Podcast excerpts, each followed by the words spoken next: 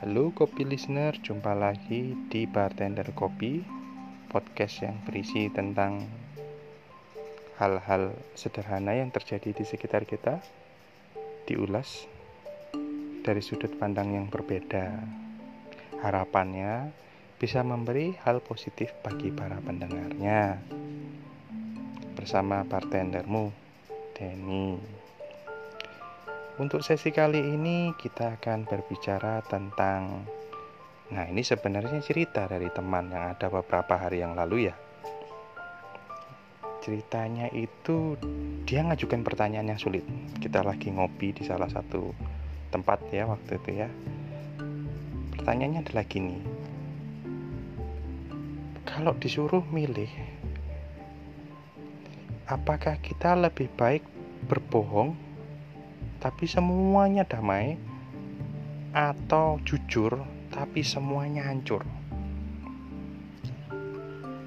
Nah, ini pertanyaan yang cukup lucu ya. Saya tanya lo, kamu itu mikir kayak gini tuh karena apa gitu. Dia bilang, ya saya ada rahasia sebenarnya pribadi. Saya nggak bisa cerita. Cuman rahasia itu kalau diceritakan nanti banyak yang bisa hancur tapi kalau disimpan itu kok yang terjadi kok tidak benar selama ini. Gimana enaknya? Kalau menurut kamu gimana dan dan nanya. Saya saya gitu teman saya ini. Well um, saya belum bisa jawab. Saya tidak langsung jawab waktu itu. Saya cuma bilang sama dia bahwa pertama kali kita harus tahu bahwa Indonesia negara kita sekarang rata-rata adalah negara yang mengedepankan conformity ya. Artinya apa? Selama itu tenang, meskipun hal yang kamu punya itu benar, lebih baik tidak disampaikan. Lucu ya, ya lucu gitu. Ora pantes nih kalau kata orang Jawa. Ora pantes nduk kalau kata orang-orang tua itu kalau kayak gitu ya. Cuk, tak apa-apa itu jangan dibilang, jangan di, seperti itu. Jadi akhirnya banyak yang ngendap masalah dalam diri sendiri. Kalau yang cukup kuat ya paling ya dia bisa nahan itu dan tidak kelihatan di luar. Tapi kalau yang nggak kuat ya dia bisa melampiaskan itu ke hal yang lain. Yang parah ya kalau misalnya dilampiaskan ke anaknya gitu loh saking masuknya ngempetnya terlalu dalam masuk ke alam bawah sadar jadi ketika dia punya anak nggak sengaja hal itu tuh push dipush jadi manifestasi ke anaknya misalnya Dulu waktu kecil, kamu tuh kalau ndak jadi dokter, bapakmu sudah segini, ibumu sudah segitu, kita dari kalangan terhormat, kamu nggak pinter-pinter, bodoh setengah mati. Nah, gitu kan. Akhirnya apa? Dia memaksa diri untuk jadi dokter. Padahal aslinya tidak pingin jadi itu, tapi pingin jadi katakanlah penyanyi mungkin. Nah nanti kalau dia sudah punya anak ini lo takutnya ini, moro-moro anaknya tuh tiba-tiba anaknya juga di, di, di dipaksa kayak gitu. Terus kamu lengkap pinter kayak gitu dan siklus itu jadi terulang. Nah balik lagi ke pertanyaannya enak yang mana? Saya diam sama teman saya terus saya bilang kayak gini sama dia. Kadar yang kebenaran yang mau kamu sampaikan tuh gimana? Satu. Terus yang kedua kalau bersifat personal atau kecil aja itu mungkin kalau opini saya lebih baik kamu ngomong aja. Secara general lebih baik ya kalau opininya ini lebih baik jujur atau pahit tapi pahit gitu ya daripada bohong tapi manis. Ini hal yang berat dilakukan loh tapi memang lebih baik. Kenapa badanku kok sakit semua ya? Minimal kalau kita sadar bahwa badanku itu sakit semua kita sadar bahwa ada sesuatu yang perlu diperbaikin tapi kalau badanku sakit semua terus kamu nggak kita nggak nggak nggak ngalamin itu nggak mau nggak mau apa ya mengalihkan itu denial ya sama itu.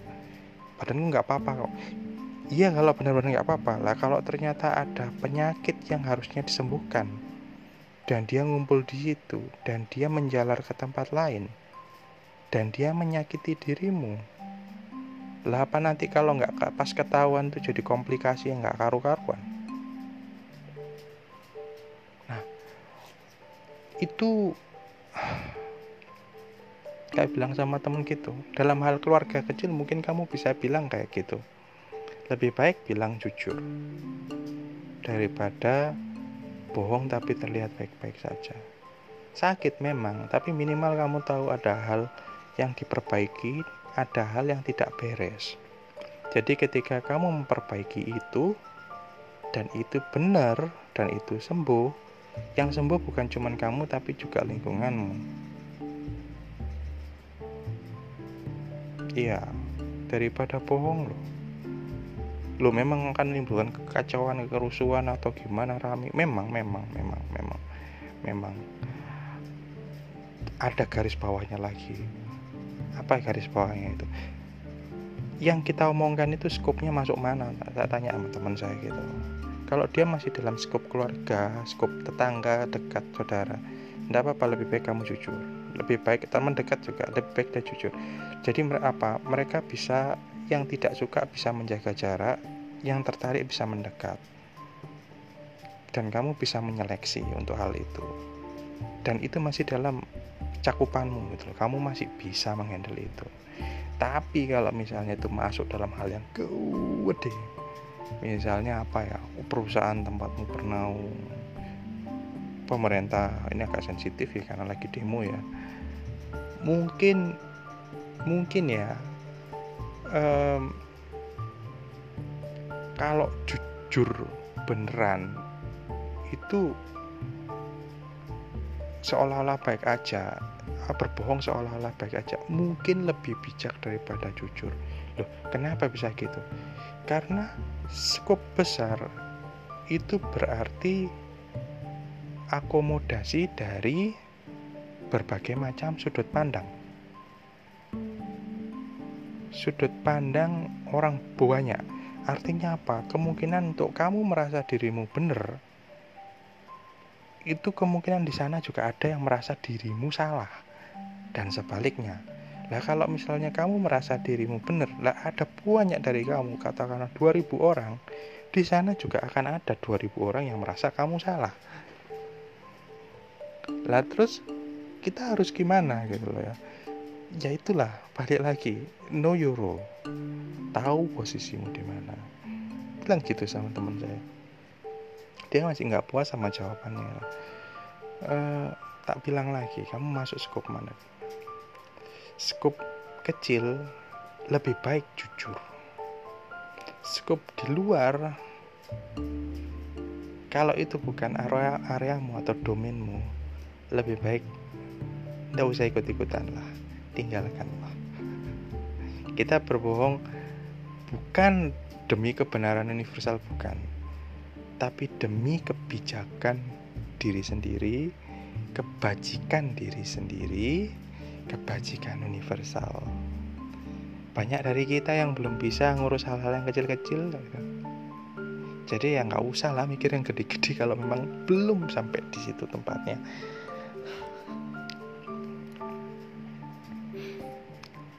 Topik tentang ini memang agak agak ini ya, agak sensitif ya.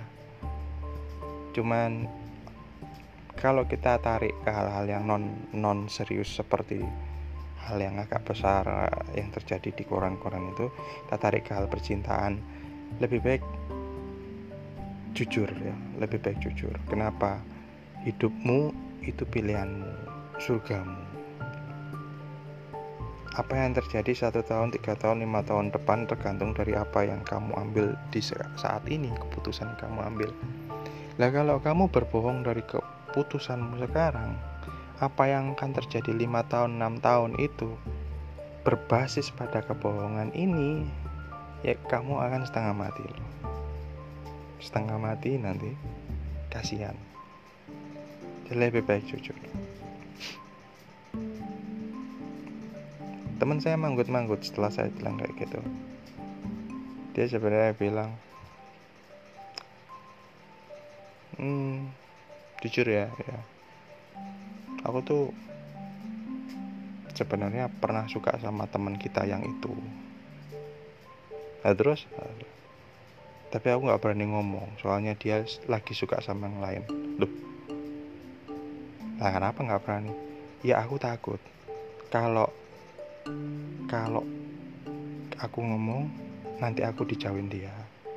Kalau aku ngomong nanti dia nggak nggak jadi suka sama itu atau mendekat me, me, menghalangi PDKT-nya sama cowok cowok itu katanya gitu. Atau gimana lah ceritanya seperti itu. Setelah denger kayak gitu saya agak ketawa dikit. Ya tak pikir tak pikir pertanyaannya agak, serius-serius gitu agak ke mana terus tak tanyain setelah kamu bohong apa yang kamu rasakan? Menyesal kata dia. Oh ya kenapa menyesal? Karena sampai sekarang dia tidak tahu gimana perasaanku. Oh, oke. Okay. Nah, terus saya tanya lagi terus kenapa kamu cerita gini? Karena kemarin aku lihat uh, media sosial dia. Dia sekarang kerja ya dan kelihatannya masih single terus dia nanya apakah sebaiknya aku nyimpen perasaanku atau aku ngomong? Iyalah. Saya bilang sama dia bro gini loh hidup cuma sekali. Kalau kamu ditolak sama dia apa kamu masuk neraka? Dia bilang ya enggak lah.